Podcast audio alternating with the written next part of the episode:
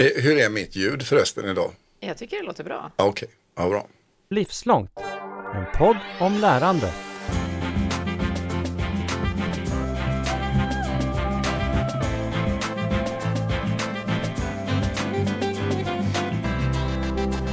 Carl Heath, tja! Hallå, hallå. Du, jag stod och tänkte på i morse, när skrev du ett prov eller en tenta eller något sånt där sist? Oh, det var ju jättenyligen. Jaha, Ja. vad var det då? då? Jag håller på och skriver en eh, uppsats just nu. Faktiskt. Jag går på ett eh, Mid-Career Fellowship på Internet Society som sex universitet eh, är inblandade i på olika ställen i världen. Och då måste man skriva en slutrapport. Så jag håller på med den klassiska hemtentan just nu.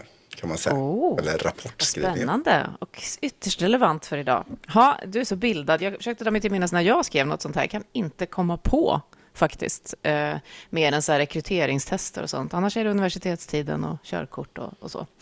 Men när vi gick i skolan, Karl, hur skulle du säga att prov och bedömningar funkade då? Vi skrev ju väldigt analogt i alla fall.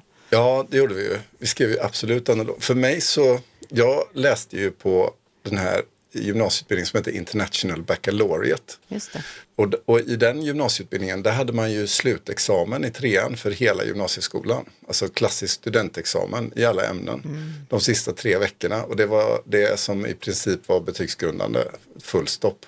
Jag måste säga att för mig var det riktigt bra. Jag tror inte att jag hade kommit igenom gymnasieskolan om jag inte hade haft hardcore prov på slutet. Eh, som eh, fick mig att eh, jobba ordentligt. Känner jag dig rätt så är du ganska deadline-driven också. Så det är bra att det finns något sånt där som ligger där framme som man måste göra.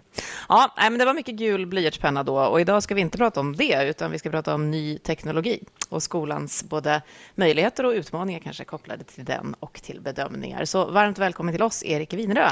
Tack så jättemycket. Vad roligt att vara här. Superkul. Vi har väntat på det. Vi har hållit på och chattat om och podda på lite olika sätt jättelänge, men nu är du äntligen här. Ja, det blir bra. Eh, du får den klassiska frågan. Vem är du? Ja, det är en väldigt bra fråga. Eh, jag, jag frågade faktiskt mina barn igår liksom, och de frågade mig vem jag är. Vad ska jag svara då? Du är ju vår pappa, svarade de.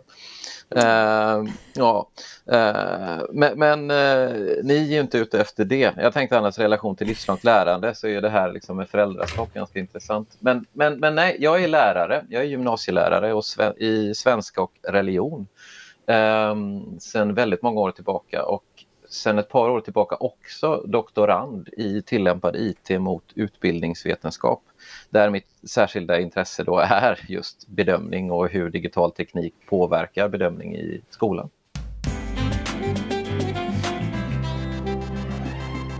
Och ditt eget livslånga lärande var du inne på där, lite med föräldraskap. Men, men vad tog dig hit? Vad har det varit för drivkraft och intresse som har tagit dig fram till det här doktorandskapet och eh, forskning? Ja, alltså det här, det här temat med livslångt lärande, jag tror ju att den centrala ingrediensen där är nyfikenhet och jag är ju, och jag tror jag delar det med er, jag är ju eh, skadat nyfiken på saker. Eh, och har väl alltid eh, liksom suttit på ett ställe och så tittat på ett annat och varit intresserad. Vad finns det där? Och så hoppar jag dit och så lär jag mig det och så ser jag fler ställen och så hoppar jag vidare. Och det där ser jag ju som en röd tråd genom hela livet. Jag har gjort väldigt många saker, inte bara jobbat som lärare och, och ja, men till exempel jag, jag har ju i princip alltid studerat. Jag har väl tre masterexamen tror jag i olika ämnen och eh, har varit på väg att doktorera tidigare eh, i retorik och grottat ner mig i klassisk grekiska. Jag har, jag har också arbetat med eh, projektledning och evenemangsutveckling, eh, framförallt inom idrott. Eh, där jag jobbade heltid ett par år. Eh, jag projektledde inomhusVM i friidrott till exempel 2013. Eh, och det handlar ju väldigt mycket om mätning. Det är, faktiskt lite intressant eh, i efterhand. Jag kom in på det där för att förr i tiden när friidrottare sprang i mål så tog man ett analogt målfoto. Och i mitten, av, i mitten av 90-talet så digitaliserade man den processen och det var jag inblandad i, eh, vilket ledde till att jag började resa runt och, och ta tid på saker och ting. Eh, och det i sin tur ledde till att jag började fundera på hur man kan presentera idrottsevenemang på ett bättre sätt. Och det ledde till att jag blev tjänstledig från att vara lärare. Så gjorde jag det ett par år. Sen kom jag tillbaka till läraryrket när jag just blev förälder. Eh, för det passade bättre att vara förälder. Och då kom jag in i skolan och, och hade med mig de här tankarna om okej, okay, hur kan jag använda det här med digital teknik eh, i skolan? Vilket föranledde att jag började arbeta med de sakerna. Det var ju väldigt på väldigt aktuellt där 2013, 2014, 2015 och alla digitaliseringsstrategier skrevs och så. Och för att få lite mer kött på benen där så gick jag tillbaka till akademin för jag tyckte ju varför inte ta en master till liksom? Och då började jag läsa lärande, kommunikation och IT och i samband med det så skrev jag en uppsats och hade tur att få en handledare som heter Johan Lundin som är professor på institutionen och han tyckte att här ska du stanna kvar. Mm. Och det ledde till att jag då eh, fick till det så att jag blev så kallad samverkansdoktorand då, så, som gör att jag gör det här på halvtid under åtta år. Så det är, det är en ganska lång tid. Men det är där jag står nu. Men du får växla med ena foten i klassrumsverkligheten också då emellanåt. Karl, du känner ju Erik sedan tidigare. Så vem skulle du säga i tillägg till det här att Erik är? Alltså Erik, han är ju den här nyfikna personen som liksom är, faktiskt går från ord till handling och gör saker och ting. Det är så jag skulle definiera Erik. Eh, I det eh, interaktioner vi har haft på arbetet eh, fram och tillbaka så är det inte ovanligt att jag går och funderar på någonting. Kan man inte göra så här? Och sen så gör du det ganska så prompt oh. efteråt. Ja, men som till exempel härom eh, veckan när jag funderade på men det vore roligt om jag eh, använde mig själv i bild i mina bildspel med AI. Om jag skulle kunna mata in mig själv eh, i ansiktet med liksom mitt ansikte i en AI och så skulle jag kunna liksom bara skapa nya bilder med mig själv som är bara påhittade. Det vore ju roligt. Och så gick en sån där idé man får. Ja. ja, så gick det två veckor och sen så kom det liksom några bilder på Erik på, på posten. Eh, där du hade, hade gjort detta som jag hade gått och tänkt på. Det är så jag skulle definiera Erik. Någon som gör massa saker. Ja, men du, du väcker massa idéer och då måste man ju testa och pröva. Så. Ni, ni låter som att ni är en bra kombo. Eh, det där med mätning som du sa då, vi har ju en hel eh, enhet på RISE som håller på med mätning och jag brukar alltid fundera över vad det är som fascinerar. Men det, ni var inne på det och vi var inne på det i början, det här med bedömning. Mm. Eh, hur skulle du säga att eh, digitalisering och bedömning i skolan har liksom vandrat sida vid sida eh, till där vi är just nu? Ja, alltså först så får man ju fundera lite på vad digitalisering är, för det är ett sånt himla vett begrepp brett begrepp, precis på samma sätt som artificiell intelligens är ett brett begrepp. Eh, jag tycker att det är en ganska bra definition. Den, den ges av en annan professor på min institution och det är att det är Johan Magnusson. Han pratar om att det handlar om effektivisering eller innovation. Att det är två olika dimensioner av digitalisering. Och när det handlar om bedömning så är det väldigt applicerbart för att antingen så kan man prata om att man effektiviserar bedömningsprocesser men man kan också prata om att man kan eh, skapa en innovation, alltså man kan bedöma på ett nytt sätt. Man kan dels redovisa kunskaper på ett nytt sätt via de verktyg som digitaliseringen möjliggör, men man kan också eh, mäta eh, kunskaperna på nya sätt. Och, men, men de där dimensionerna, effektivisering och innovation, behöver man kanske hålla isär lite grann. Eh, för det är lätt att man effektiviserar bort innovationen, om man säger så. Um, men i grund och botten så är ju eh, bedömning är ju bedömning. Eh, och, och, det handlar ju i sin tur i grund och botten om vad är kunskap? Eh, vad är det att kunna någonting och vad är det att lära någonting? Eh, för om vi ska prata om ett lärande så handlar det om en form av utveckling från ett stadie till ett annat stadie. Och för att kunna identifiera det så behöver vi göra en form av bedömning. Så kunskap och lärande och bedömning eh, är bundna vid varandra. Det går inte att separera dem. Och sen då så kan man lägga på digitaliseringen som, som ett filter på det där och se kan vi effektivisera den här processen? Eh, vad händer om vi blandar in det här? Vi kanske förstör delar i processen. Vad förstör vi i så fall? Eh, hur kan vi skapa innovation? Eh, hur kan vi göra någonting bra av det här? Så skulle jag säga. Låt oss komma tillbaka till alla de delarna, men hur, hur svarar du själv på den frågan? Vad är kunskap? Den du alltså ska visa i en bedömning att du har fått Ja, alltså det där är, det där är en sån fråga som är som ett kaninhål. När man dyker, i, dyker ner i det så, så, så, så, inser man hur stort det är. Um, det finns ju en, en oändlig rad av teorier kring vad kunskap och framförallt om vad lärande är. Och jag skulle inte säga att jag vill hålla mig till en specifik definition. Eh, ofta ställs de där olika perspektiven emot varandra. Alltså jag pratar ju då om liksom, eh, social konstruktivism och, och eh, eh, kognitionsvetenskap eller behaviorism. Eller, ja, det, det finns en rad sådana där olika. Mm. Eh, jag, jag, är ganska tilltalad av den här liknelsen av, av blinda män som tar på en elefant.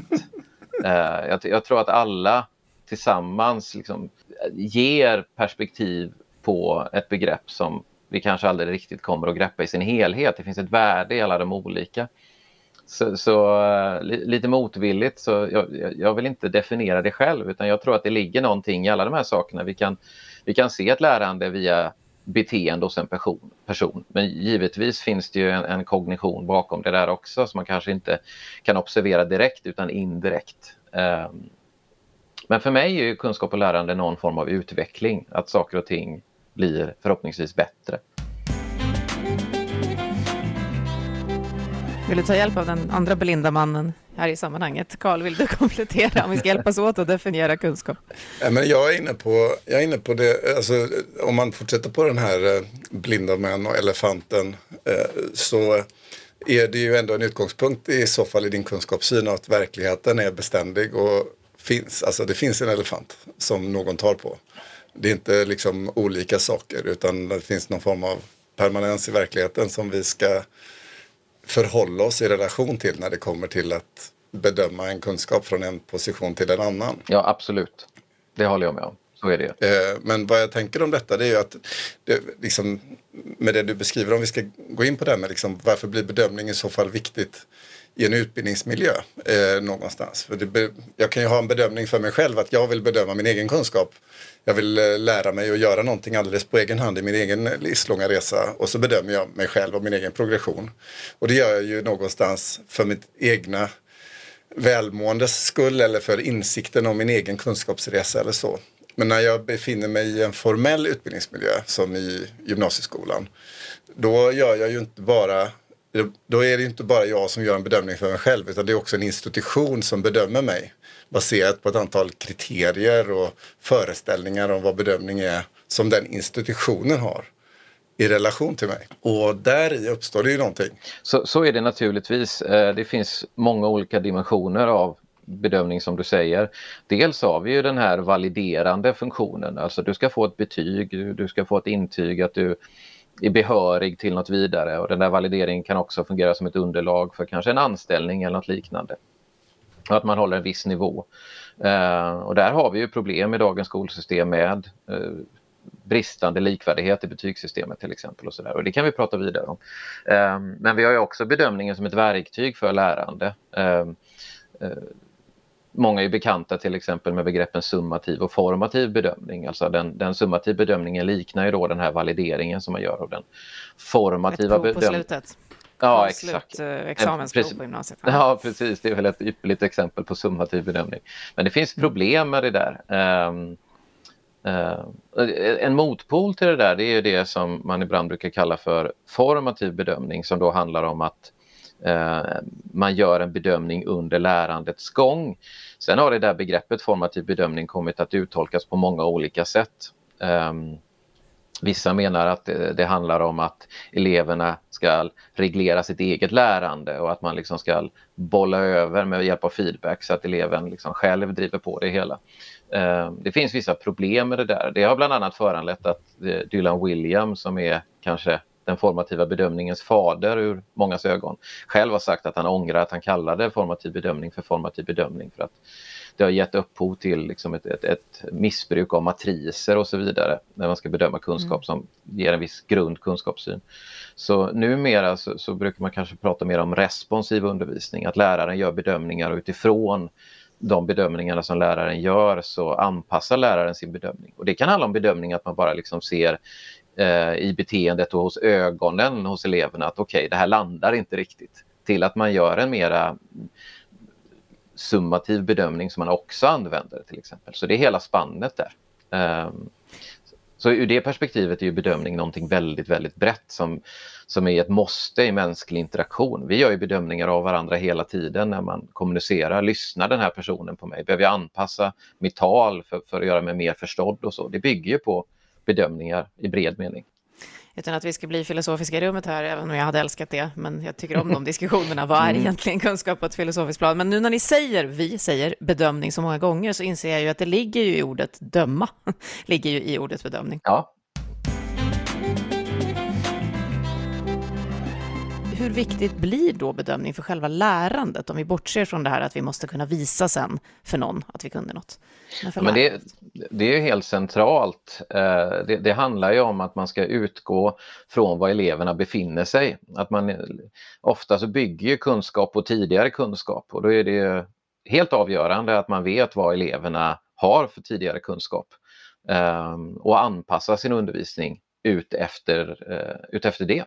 Ehm, så att, att inte undervisa eh, responsivt är ju liksom den här, ja men det är väldigt naivt, det är den här klassiska professorn som ramlar fram till eh, eh, talarstolen och pratar mer eller mindre ett annat språk än det som studenterna förstår. Eh, vi kan alla liksom översätta det till eh, undervisnings, inom situationstecken, situationer som som vi kanske har erfarit då. Mm. Ehm, men en lärare som är närvarande och som är nyfiken och som tar in eleverna och som anpassar sin undervisning eh, utefter det, det är ju eh, en förutsättning för en god lärarmiljö skulle jag säga.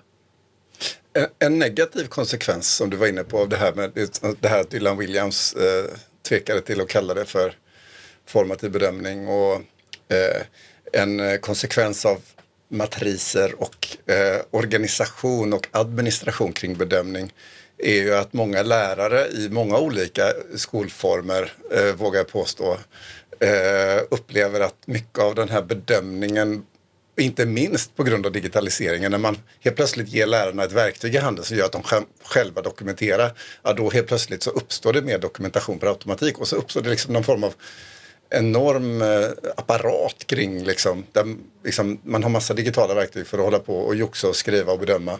Och som kanske till och med tar plats ifrån själva undervisningen och det där responsiva som du är inne på nu. Känner du igen dig i den beskrivningen? Jag kan säga att jag känner igen det från vissa perioder i mitt hem under nationella prov och annat eh, eftersom jag har en lärare hemma. Men gör du, Erik? Ja, absolut. Eh, det är ju någonting, alltså det finns en sån här klassisk eh, saying som ni känner till att eh, ge en pojke en, ham en hammare och allt kommer hamras på. Och så där är det att alltså Eh, i ett målrelaterat system. Eh, det, här, och det här går lite i linje skulle jag säga med New Public Management. Alltså man vill mäta saker hela tiden. Men bara för att någonting är mätbart så, så ska det kanske inte alltid mätas. Men med till exempel matriser i, i, digitala lärplattformar och så vidare så, så ska man klicka i det där bara för att man kan och man ska dokumentera det bara för att man kan.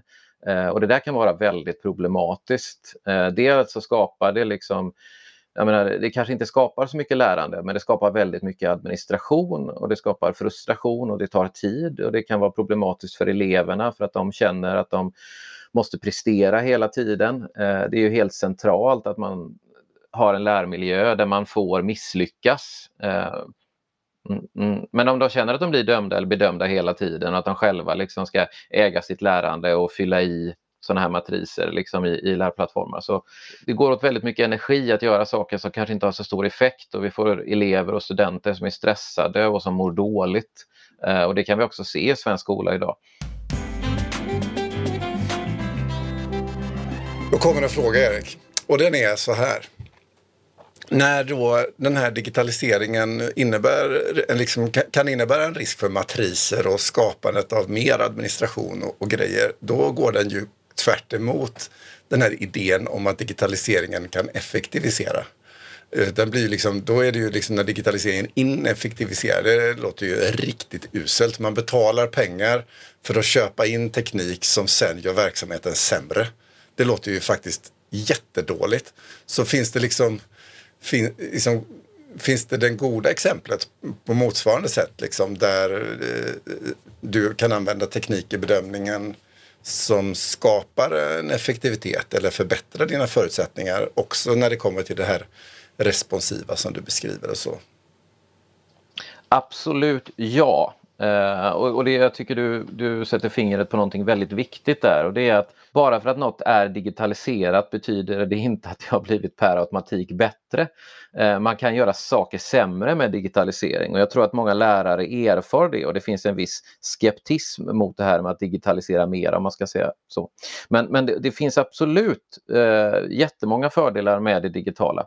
Eh, ta en sån sak som till exempel eh, om jag skulle jobba med ett självrättande prov. Det, det finns ju den här diskussionen om eh, flervalsfrågor och så där kan man mäta kunskap på det sättet. Men att, att använda det som ett eh, diagnostiskt test till exempel, eh, där elever då får göra ett mindre test eh, som inte är examinerande eh, efter ett undervisningsmoment där de snabbt kan få feedback och där jag snabbt kan visualisera Eh, hur de har svarat på frågor eh, är oerhört effektiv, eh, effektivt. Eller att använda olika verktyg för att eh, kunna svara på saker anonymt, arbeta med Mentimeter till exempel eh, och, och, givetvis också elevadministration. Alla de här sakerna görs ju enormt mycket mer effektivt med digitala verktyg. För att inte tala om den tillgång som vi har med, med, med internet, det får man inte glömma liksom, all den multimodalitet som finns, alla bra utbildningsfilmer, möjlighet att kunna se hur det ser ut i andra delar av världen och sådär. Eh, det är ju helt fantastiskt och enorma resurser som finns då genom våra skärmar. Men problemet är ju att det finns ju massa distraktioner som heller inte är bra och inte kvalitetssäkrat också via skärmarna. Så det ställer ju ganska höga krav på oss som arbetar i skolan att använda det här på rätt sätt. Mm. Men jag tycker det är en viktig poäng det där att bara för att det är digitalt är det inte bättre. En, en, en sån där fråga som diskuteras eh, som jag kan bli frustrerad på det är det här med läromedel och digitala läromedel och analoga läromedel. Självklart ska våra elever både ha analoga läromedel och digitala läromedel. Problemet är ju att det är krångligt och framförallt dyrt. Men, men att läsa på papper är en sak och att läsa på skärm är en annan sak. Man kan inte bara översätta det ena till det andra. Nej, det har vi faktiskt haft avsnitt om här i podden, vad som händer om man gör det ena eller det andra i hjärnan. Så det kan vi eh, styrka. Men då har vi lagt en grund kring bedömningens funktion och vad som gör den så viktig även för lärandet. Och så har vi pratat om digitaliseringen ur lite olika aspekter, bra och dålig, för effektivisering och innovation. Och då om vi drar det då till ett steg längre som är ett av de områden som har intresserat dig Erik, nämligen AI och bedömning, alltså artificiell intelligens som ju är en ännu mer avancerad teknik än eh, kanske andra då. Hur kan den påverka förändringarna kring alltså utvecklingen av lärande genom bedömning skulle du säga? Ja, men det blir som en förlängning av digitaliseringen. Alltså artificiell intelligens är ju en form av digitalisering, men artificiell intelligens är ju, kan man säga, att den digitala tekniken liksom får förstärkta förmågor. Och eh, där har vi en förmåga som både då kan fungera för eleverna men också för läraren. Alltså man kan då, eh, om man ska ha någon form av, av eh, produkt eller inlämningspedagogik, alltså att eleverna ska lämna in arbeten, eh, så kan ju det här göras med hjälp av digital teknik. Eh, och det görs ju redan idag, alltså man sitter och skriver texter i Word och så får du till exempel, du har en rättstavningsfunktion. Men, men nu har vi ju digital teknik med, med de här språkinlärningsmodellerna som GPT-3 till exempel som faktiskt kan skriva väldigt avancerade texter för eleven och då är det kanske inte eleven längre som har skrivit texten. Um, på samma sätt så, så, kan ju artificiell intelligens göra bedömningar av elevers kunskap. Det finns redan idag i digitala läromedel där, där eh, de är så att säga adaptiva och anpassar sig. Risken är ju att vi hamnar i en situation där så att säga den digitala tekniken bedömer den digitala tekniken och människan har hamnat utanför och då har det gått för långt. Mm. Så att liksom hitta den där balansen, det är det som är utmaningen. När AI började pratas väldigt mycket om AI för några år sedan, då pratade man ju mycket om eh, alltså biases, alltså att det finns, att eh, AI ändå, det finns någon grunddata som är inlagd som inte är helt neutral, som förmodligen påverkar det som kommer ut. Hur mycket av det är du orolig för som lärare när du säger då att det finns både möjligheter och utmaningar i det här?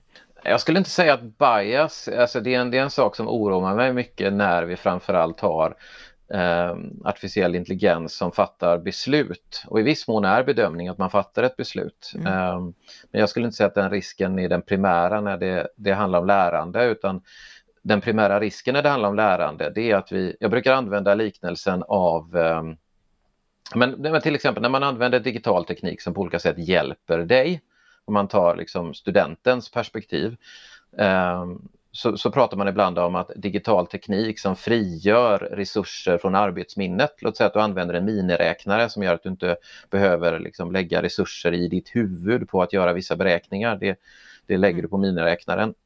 Det kan man ibland prata om så kallad kognitiv offloading. Eh, jag kan till exempel inte min frus telefonnummer för jag slår aldrig in det i telefonen. Eh, jag behöver inte kunna det för jag har liksom offloadat det till, till en annan resurs. Då. Ehm, mm. Men här brukar jag tänka i liknelsen av, av ett husbygge. Att det finns ju en risk att vi offloadar för mycket och att vi så att säga sågar ner en bärande vägg. Alltså vil, vilka funktioner behöver vi faktiskt ha för att fungera eh, som tänkande människor. Och, det, och, där är jag ju övertygad om, med, med god liksom, empirisk grund, att läsande och skrivande är en sån sak som strukturerar vårt sinne, som hjälper oss att tänka. Och det är någonting som vi inte liksom får facil facilitera bort eh, genom den här digitala tekniken. Och det kan vara lite lockande att göra det. Um, men, men den här genvägen som de här språkmodellerna kan göra för skrivande, Eh, kan också vara en senväg för att använda en sliten metafor. Eh, så, så, här tror jag att vi behöver liksom vandra framåt lite varsamt och fundera på vad är det som vi eventuellt effektiviserar bort. Eh, att, att, att, lära sig någonting innebär ju att man ska bemästra något, att det finns ett motstånd i det hela. Och att lära sig till exempel att skriva och att kämpa med skrivandet tror jag är en, en nödvändig väg att gå. Och den artificiella intelligensen lockar oss att kanske inte gå den vägen då.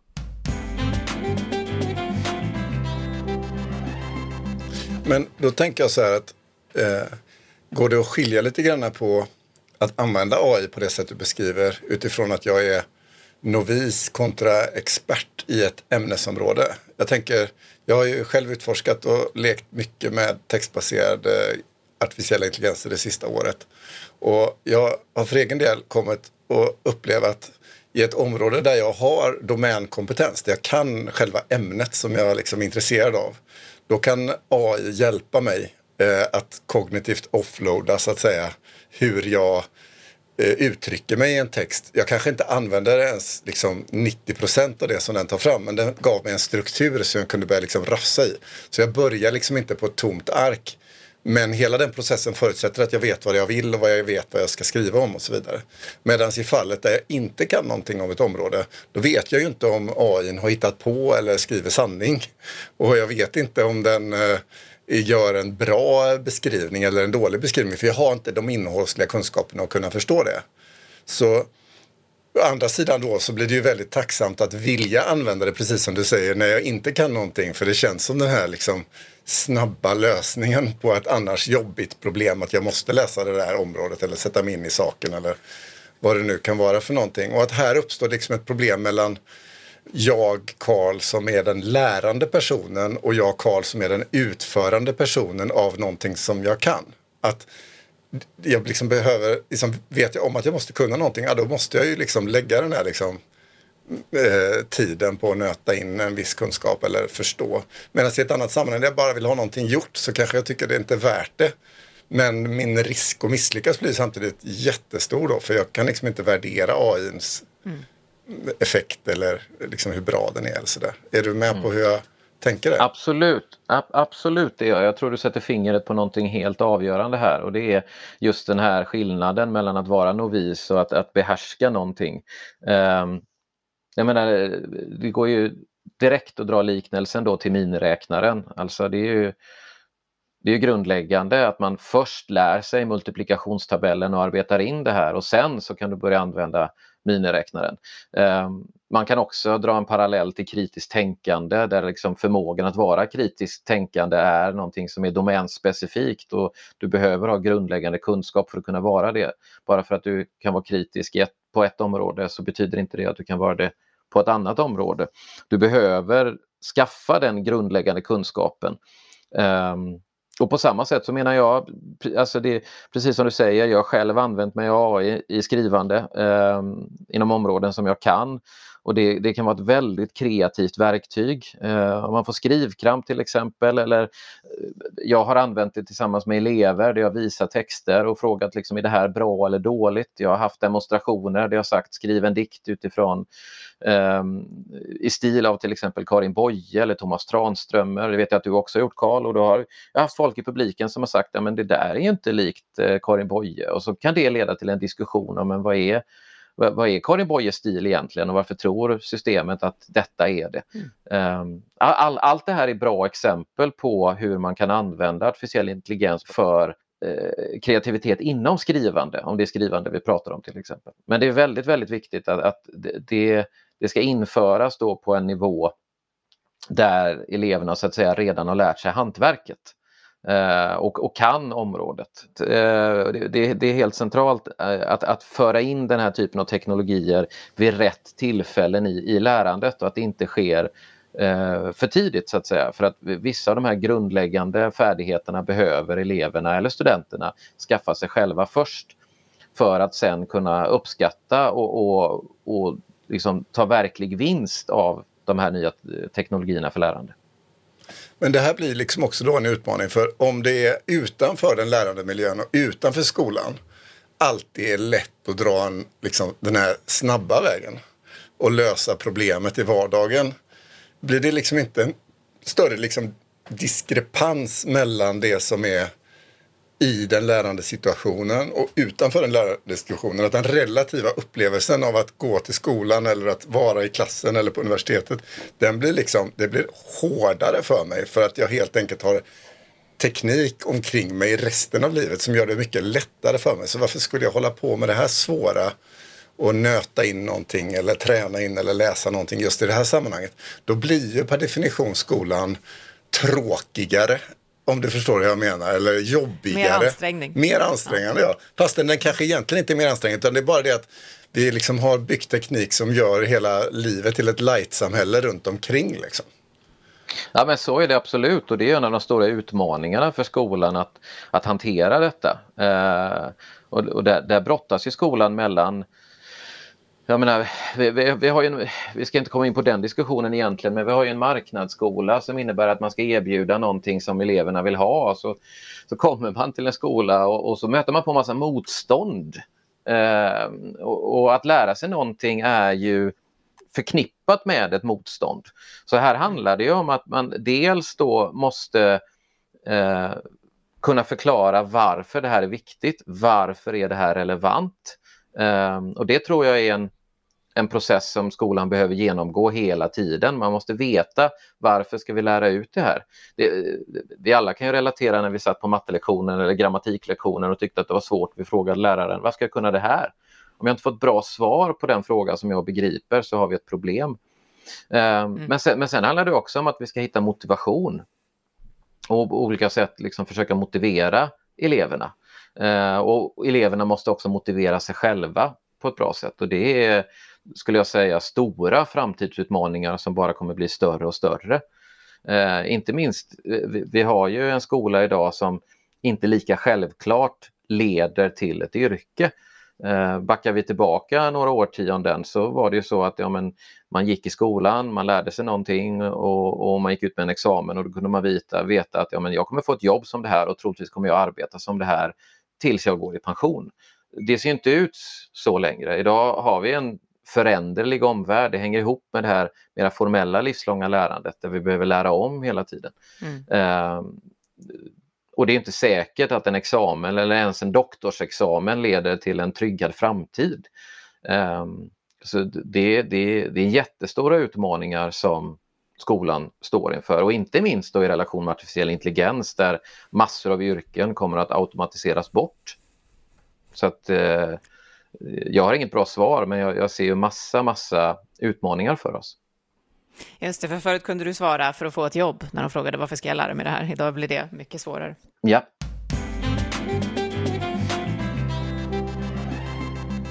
Jag stod och fnissade lite när ni pratade om de här, att man måste ha den domänkompetensen för några år sedan eh, när man började med såna här översättningstjänster som ju nu också bygger på algoritmer och artificiell, artificiell intelligens, så skulle jag översätta någon husannons från Frankrike och jag har någon slags basal kunskap i franska. Men när det då står att i vardagsrummet står Demokratiska republiken Kongo så kunde jag ju då översätta det till att det gör det förmodligen inte i det här huset. Eh, det där har ju utvecklats enormt mycket och idag så vet jag ju Karl, du har ju visat konstverk till exempel, vilken är gjord av en konstnär, en människa och vilken är gjord av en, en AI. Och du har ju också testat att skriva artiklar, Erik, med mm. hjälp av en AI. Eh, vad, vad, hur rustad är skolan för att kunna då känna igen de här? Du sa det förut, att kanske är det en AI som har skrivit, skrivit din elevs text. Hur rustad är skolan för att kunna ta om hand det här och, och liksom lära och känna igen och, och kunna då bedöma så att det inte är en AI som bedömer en AI? Egentligen tror jag ganska dåligt rustad. Um, det, det, handlar ju om att vi behöver kontrollera att eleven har skrivit någonting om vi ska göra, kunna göra en, en eh, om det ska ha en god validitet för bedömning. Eh, och i, i, den artikeln som jag har skrivit som jag tror att du hänvisar till så, så argumenterar jag för att den eh, skrivna hemuppgiften eller hemtentan om man ska kalla det så är död det är ju för sig ingenting som är nytt i och med AI utan vi har ju alltid haft ett problem med eh, eh begåvade eh, hjälpskribenter, spökskrivare hemma vid. Eh, det kan vara en förälder. Jag, jag har haft mm. samtal, jag har kritiserat en elevs text och sen har föräldern sagt att nej men jag skrev ju så här och så liksom försagt sig att okej okay, det är du som har skrivit detta. Det har hänt. Usch vad pinsamt. Ja visst, men det tror jag många lärare har varit med om. Um, mm. Men också detta att man kan beställa texter på nätet och det finns ju företag som gjort affärsmodeller av det här där man kan ta liksom, skrivhjälp. Eh, allt ifrån som uppgifter i skolan till doktorsavhandlingar och så vidare. Så vi har haft exempel där doktorsavhandlingar i Tyskland till exempel har det har framkommit att det har varit spökskrivare bakom dem och så. Så att, så att det här problemet har ju funnits länge. Eh, men det som artificiell intelligens gör i och med att eh, i och med de här nya då språkmodellerna det är ju att eh, den här spökskrivaren eller hjälpen blir väldigt mycket mer tillgänglig. Mm. Um, och det gör i min mening att om man ska be en elev skriva någonting som sen ska ligga till grund för den här summativa bedömningen som vi pratar om, då måste vi kontrollera miljön Eh, där detta skrivs och då kan det bara skrivas i skolan och det behöver också skrivas då i eh, digitala system som låser elevens skrivyta så att inte eleven då kan liksom googla och använda de här teknikerna även i skolan. Ehm, och det här är eh, lärare inte så benägna att göra eller de, de, de använder det inte så mycket.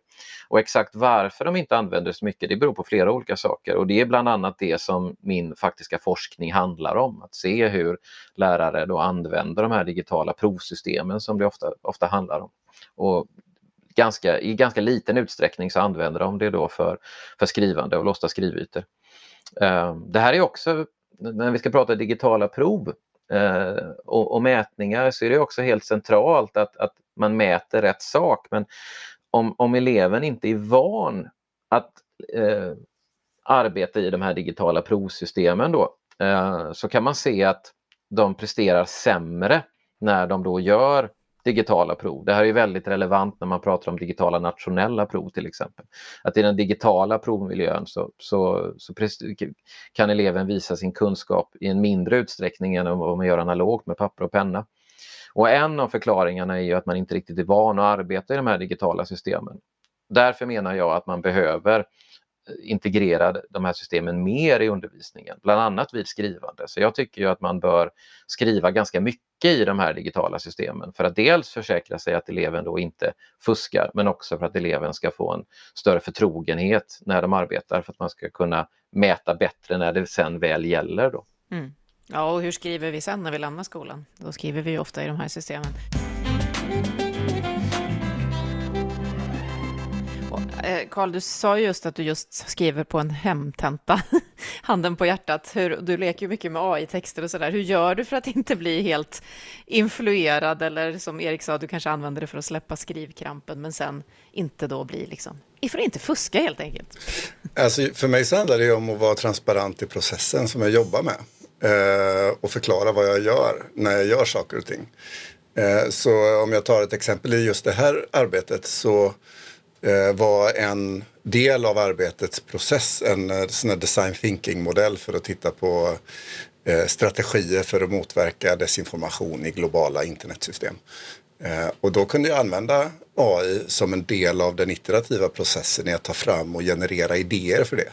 Men att jag då beskriver liksom, på vilket sätt har jag använt AI, när gör jag det och vad är utfallet. Det blir liksom en, i det fallet, för den typen av text för mig en viktig särskiljande liksom, eh, det. Det blir ett sätt att jobba med det som gör att det blir tydligt på samma sätt som att jag liksom eh, hänvisar till källor när jag eh, använder mig av en, en, annan källa eller vad som helst. Då. Mm. Så, så det, i den typen av text så, så tänker jag att eh, det blir så jag får använda det. Och sen, sen finns det en annan, ett annat läge på användningen av AI när det kommer till att skriva Eh, och det är ju när jag vill ha ett, ett, ett, format på någonting. Inte själva innehållet utan jag vill ha ett, jag vill ha ett stycke med tre punkter under eh, som ger en viss känsla.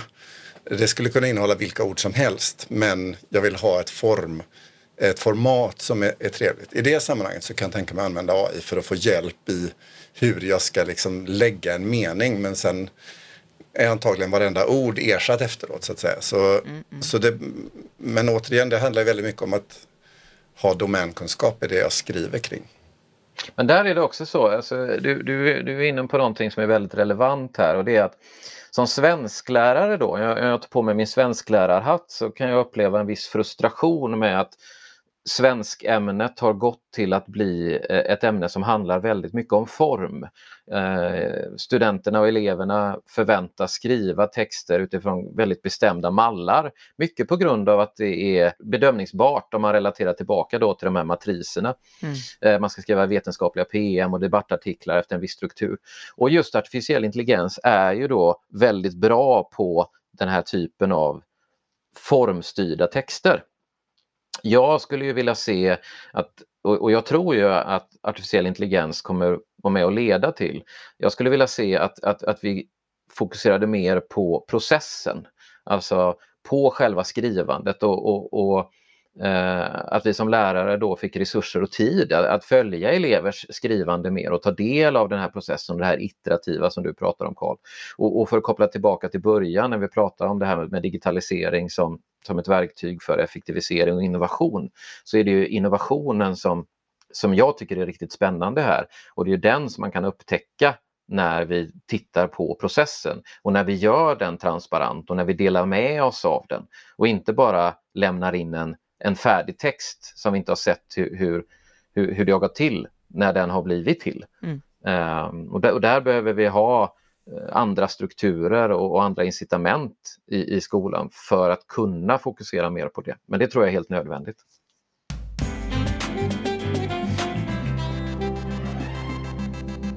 Ja, också för att återknyta till början i det där viktiga jobbet som förälder så kan man ju ibland bli olycklig över matriserna och det som på något sätt ändå hindrar barnens stora lärande. Eller när man säger, jo men du vet det här är kontexten och de bara, det kommer inte på provet, tyst, för att de är stressade.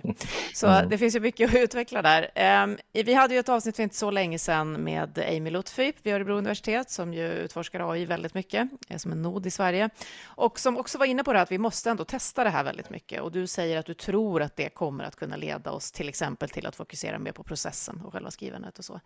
Om vi ska försöka konkludera det här nästan då ändå filosofiska samtalet, mm. när tror du att AI har hjälpt oss att innovera skolan?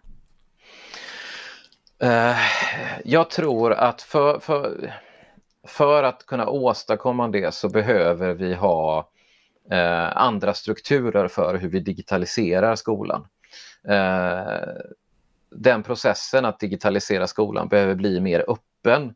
Eh, vi behöver alltså i och med att skolan har blivit decentraliserad eh, så uppfinner man hjulet på många olika sätt om och om igen. Eh, och vi har, ibland pratar jag om en misslyckad digitalisering och, och jag skulle vilja säga att den är misslyckad i den meningen av att vi tar inte, vi, vi samarbetar inte. Um, vi, eh, det som en lärare kommer fram till i ett klassrum som är väldigt effektivt eller som en organisation kommer fram till som är väldigt effektivitet. Vi har väldigt dåliga modeller och former för att, att, att delge det eh, och ta hjälp av varandra.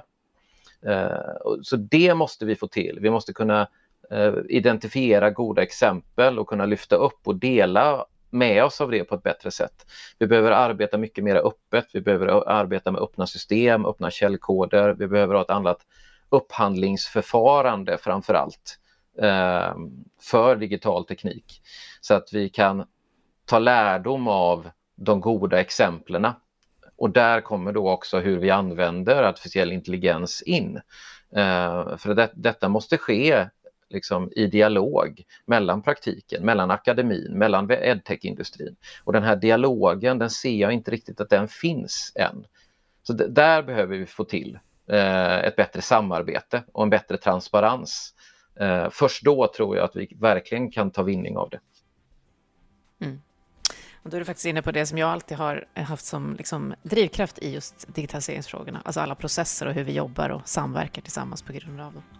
Vi får helt enkelt skotta på där och försöka jobba för att det blir ännu mer sånt. Ja, men eller hur? Eh, ja, och det har vi gjort till lite olika projekt och kommer säkert fortsätta göra. Tack för ett otroligt intressant samtal, Erik Winerö, och för att du kom hit. Eh, gymnasielärare och doktorand i tillämpad IT. Alltså, Tack. Vi har pratat om bedömning och skola och AI och vart det ska ta oss helt enkelt. Tack så ha jättemycket. Ha det bra. Tack, tack. Hej. Hejdå.